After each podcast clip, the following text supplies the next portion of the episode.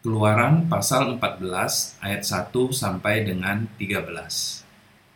Berfirmanlah Tuhan kepada Musa demikian, Katakanlah kepada orang Israel, supaya mereka balik kembali dan berkemah di depan Pihahirot, antara Migdol dan laut. Tepat di depan Baal Sefon, berkemahlah kamu di tepi laut. Maka Firaun akan berkata tentang orang Israel, mereka telah sesat di negeri ini, padang gurun telah mengurung mereka. Aku akan mengeraskan hati Firaun, sehingga ia mengejar mereka, dan terhadap Firaun dan seluruh pasukannya, aku akan menyatakan kemuliaanku, sehingga orang Mesir mengetahui bahwa akulah Tuhan. Lalu mereka berbuat demikian.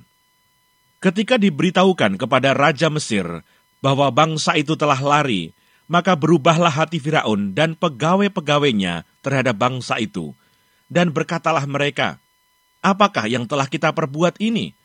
Bahwa kita membiarkan orang Israel pergi dari perbudakan kita.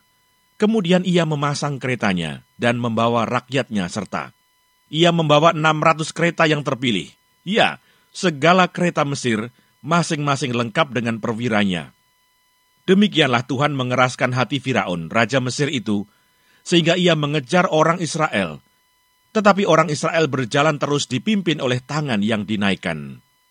Adapun orang Mesir, segala kuda dan kereta Firaun, orang-orang berkuda dan pasukannya mengejar mereka dan mencapai mereka pada waktu mereka berkemah di tepi laut, dekat Pihahirot, di depan Baal Sefon. Ketika Firaun telah dekat, orang Israel menoleh. Maka tampaklah orang Mesir bergerak menyusul mereka.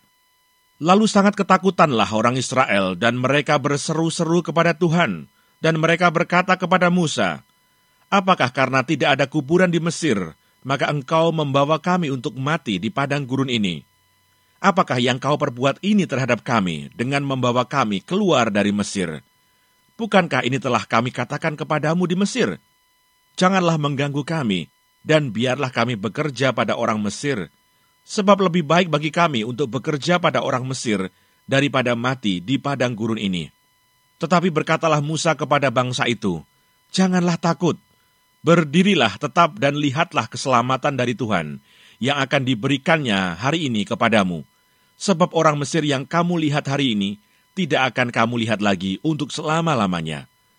Tuhan akan berperang untuk kamu, dan kamu akan diam saja. Sahabat, hati Firaun dipenuhi dengan amarah. Mungkin bisa dibayangkan berapa banyak kerusakan dan kerugian yang dialami ketika tula-tula ditimpakan pada mereka. Berapa banyak kekayaan mereka yang dibawa pergi oleh bangsa Israel? Berapa banyak keluarga yang menanggung derita dan kedukaan karena kehilangan anak sulung? Terlebih lagi, berapa banyak pembangunan yang sedang berjalan tiba-tiba harus berhenti, siapa yang harus meneruskannya? Mesir tiba-tiba berkurang jumlah penduduknya. Sepi. Bangsa Mesir yang sudah terbiasa dilayani oleh orang-orang Israel, tiba-tiba harus mengerjakan sendiri segala sesuatu. Mereka tidak bisa menerima sehingga Firaun mengejar mereka dan akhirnya tangan Tuhan melawan mereka dan menghancurkan kekuatan, kesombongan, keangkuhan Firaun.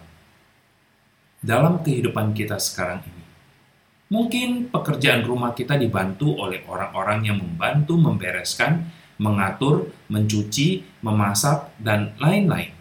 Atau mungkin dalam usaha pekerjaan, banyak dari mereka yang bekerja bagi kita Janganlah memperlakukan mereka sebagai budak atau memperlakukan mereka dengan semena-mena, karena mereka adalah sesama kita yang juga dikasihi oleh Allah.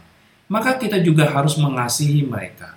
Jadilah saksi Tuhan dalam kehidupanmu dan keluargamu, bagi mereka yang membantumu dan tinggal di dalam rumahmu. Amin.